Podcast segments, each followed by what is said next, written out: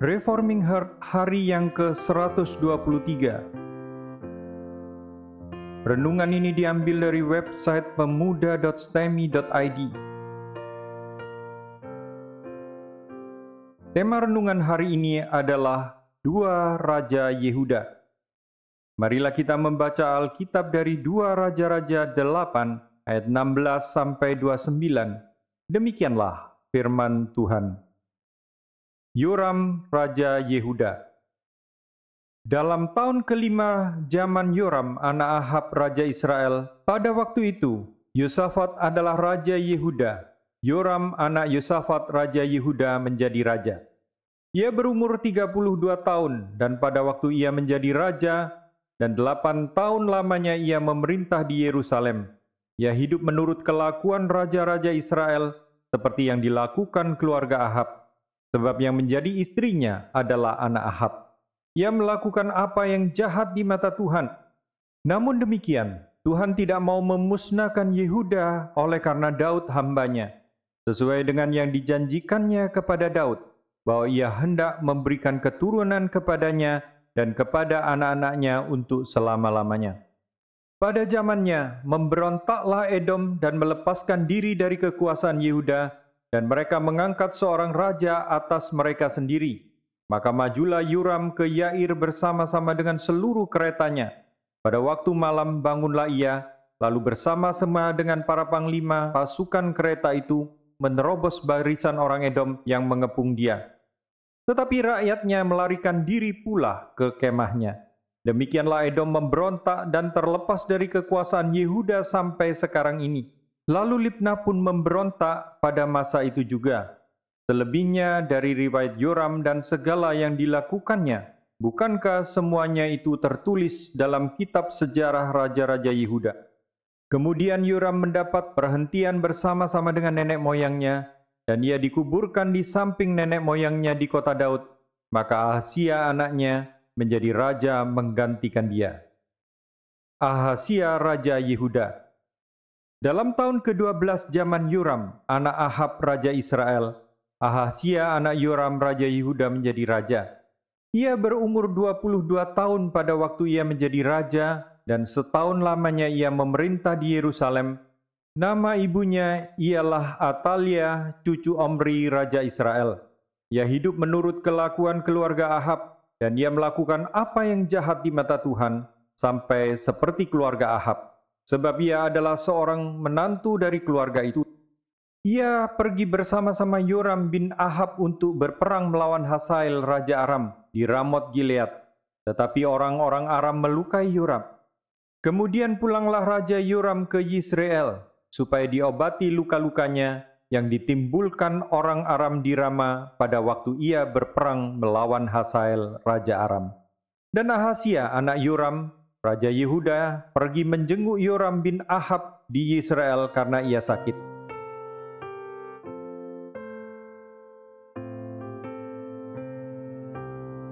Bagian hari ini membahas dua raja Yehuda dengan pengaruh dari Raja Ahab Kedua raja ini membuat Yehuda dan Israel sama dalam hal penyembahan berhala.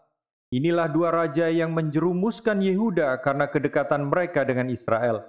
Mengapa mereka bisa sangat dipengaruhi oleh Ahab?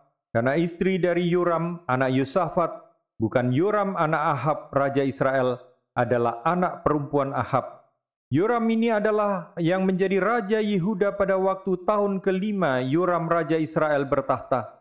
Kedekatan relasi kedua negara dimulai dari kedekatan Yusafat dengan Ahab.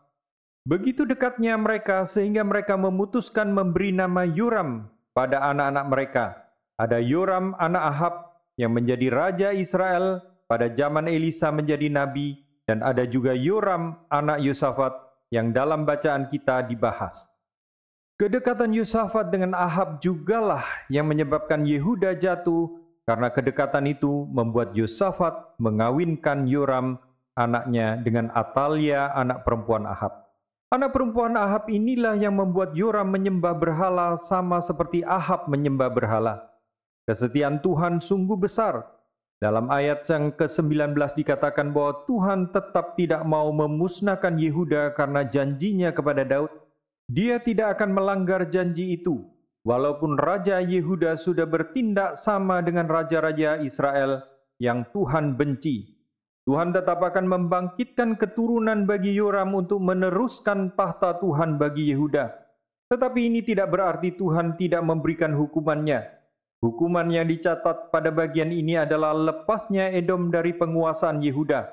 Edom dalam keadaan ditundukkan sebenarnya telah menjadi sekutu Yehuda sejak zaman Yosafat. Tetapi kali ini mereka telah mengangkat raja dengan maksud membebaskan diri dari pengaruh Yehuda.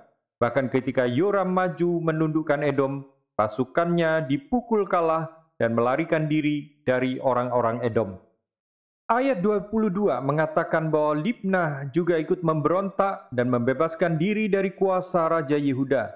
Libnah telah berada dalam kondisi takluk kepada Yehuda sejak Yosua membawa bangsa Israel masuk ke dalam tanah Kanaan. Libnah juga menjadi tempat penting Yehuda ketika Asyur datang dan menyerang mereka tetapi pada zaman Yoram, anak Yusafat, Libna memberontak dari Yehuda. Catatan singkat mengenai kehidupan Yoram yang hanya memasukkan kegagalannya dalam menguasai Edom dan Libna berakhir dengan kematian Yoram.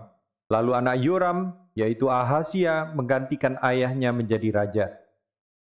Ahasia lahir dari anak Ahab bernama Atalia, seorang perempuan kejam yang adalah penyembah berhala yang sangat giat Ahasia bersekutu dengan Yoram bin Ahab untuk menyerang Hasael, Raja Aram.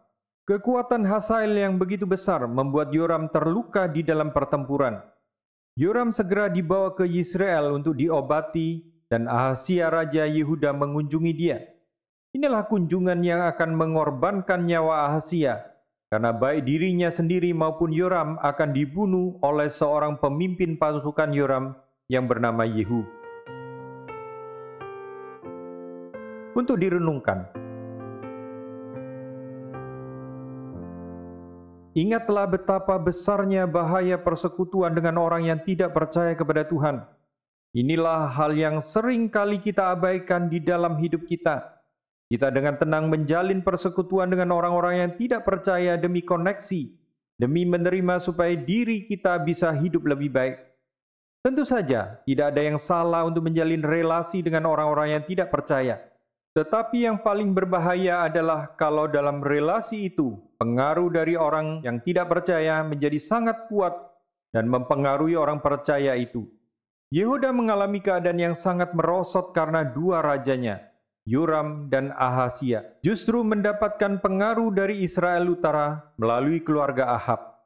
Umat Tuhan yang tidak memperkuat dirinya dengan pemahaman yang sejati akan Tuhan dan dedikasi yang tinggi untuk menyembah hanya kepada dia yang membuat banyak orang mengkompromikan imannya demi hal yang lain. Jika iman kita pun dianggap enteng, bagaimana mungkin kita akan diperkenan oleh Tuhan? Itulah sebabnya jalinan persahabatan antara orang percaya dengan orang yang tidak percaya harus dilakukan demi menjangkau mereka, bukan justru mendapatkan pengaruh dari mereka.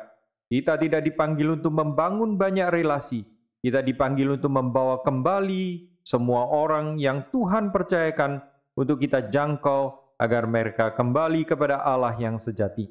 Tetapi jika kita sendiri tidak mempunyai kekuatan iman dan pengertian akan apa yang kita imani, maka tentu saja kita tidak akan punya kekuatan untuk bertahan di tengah-tengah pengaruh dunia kita yang anti Tuhan. Jika pada zaman raja-raja Israel dalam kitab ini mereka banyak digoda oleh penyembah berhala, maka dunia kita saat ini menawarkan sekuralisme sebagai alternatif. Kita tidak harus percaya kepada Tuhan dengan cara seperti orang-orang fundamentalis yang ekstrim, tetapi kita harus toleransi dan hidup dengan saling terima satu dengan yang lain. Jika dulu orang-orang dunia tidak bisa membedakan mana Allah sejati dan manakah berhala yang palsu, maka zaman sekarang orang gagal untuk melihat mana iman sejati kepada satu-satunya Allah yang hidup dan mana agama yang palsu. Mereka berpikir, bukankah semuanya sama baiknya? Jika kita tidak kuat dalam pengenalan iman kita, bagaimana kita dapat bertahan? Jika anak-anak kita tidak mengenal Kristus dengan benar sesuai dengan firman Tuhan, Bagaimana mereka dapat bertahan? Anak-anak Daud gagal karena ikatan persahabatan dengan Ahab. Dan jangan lupa bahwa yang mengikat persahabatan dengan Ahab adalah Yusafat, Raja Yehuda yang takut akan Tuhan. Takut akan Tuhan, tetapi demi nama relasi dia tetap menjalin persahabatan dengan Ahab. Persahabatan yang membuat pengaruh keluarga Ahab masuk ke dalam keluarga Yusafat. Dan bukan sebaliknya. Lalu bagaimana? Apakah yang harus kita lakukan untuk mencegah pengaruh kerusakan dunia yang menarik manusia menjauhi dari Allah? Yang pertama adalah kita harus melihat anugerah Tuhan di dalam melindungi orang-orang pilihannya. Tuhanlah, bukan kita sendiri yang mampu terus diperkuat di dalam anugerah Tuhan. Tuhanlah saja yang memberikan pernyataannya, dan Dia jugalah yang mengatur supaya segala hal boleh mengarahkan kita ke dalam kekuatan iman yang sejati. Tuhan melakukan ini untuk Yehuda. Dia membuat adanya bait sucinya di tengah-tengah Yehuda, tempat ibadah kepada Allah yang sejati akan mencegah orang-orang untuk melakukan hal-hal yang kafir untuk menyembah Allah. Maka implikasi dalam kehidupan kita ialah kita harus memiliki ibadah sejati kepada Allah kita harus menghadap Allah dengan cara yang tidak dikompromikan. Beribadah kepada Allah adalah kehendak Allah bagi setiap umatnya. Sekaligus cara Allah memperkuat manusia untuk semakin mengenal dia dan makin diperkuat di dalam iman. John Calvin mengatakan bahwa satu-satunya cara iman dapat bertumbuh adalah melalui firman dan sakramen. Tanpa keduanya ini, baik pemberitaan firman Tuhan maupun sakramen perjamuan kudus dan baptisan, tidak mungkin orang bisa bertumbuh dengan benar. Sudahkah kita memelihara cara ibadah yang sejati? Sudahkah kita melihat keindahan ibadah yang sejati? Sudahkah anak-anak kita mengenal Tuhan melalui cara beribadah yang sejati? Sudahkah firman yang sejati terus berbicara kepada kita? Hal yang kedua adalah relasi yang dijalin. Sudahkah kita menjalin relasi dengan kerinduan untuk memenangkan dunia, bukan untuk tersesat menjadi makin menyerupai dunia? Yusafat membuat perjanjian dengan Ahab lebih daripada yang seharusnya, bahkan dia mengawinkan anaknya dengan anak Ahab. Ini celaka yang sangat besar. Jangan anggap enteng pergaulan anak-anak kita jika dia menjadi pasangan dengan orang yang tidak percaya maka godaan dan bujukan untuk meninggalkan iman yang sejati adalah sangat besar. Biarlah persekutuan sejati yang dekat dan hangat kita miliki dengan saudara seiman kita. Baiklah pergaulan yang kita jalin dengan orang yang tidak percaya dapat memenangkan mereka kembali kepada Kristus.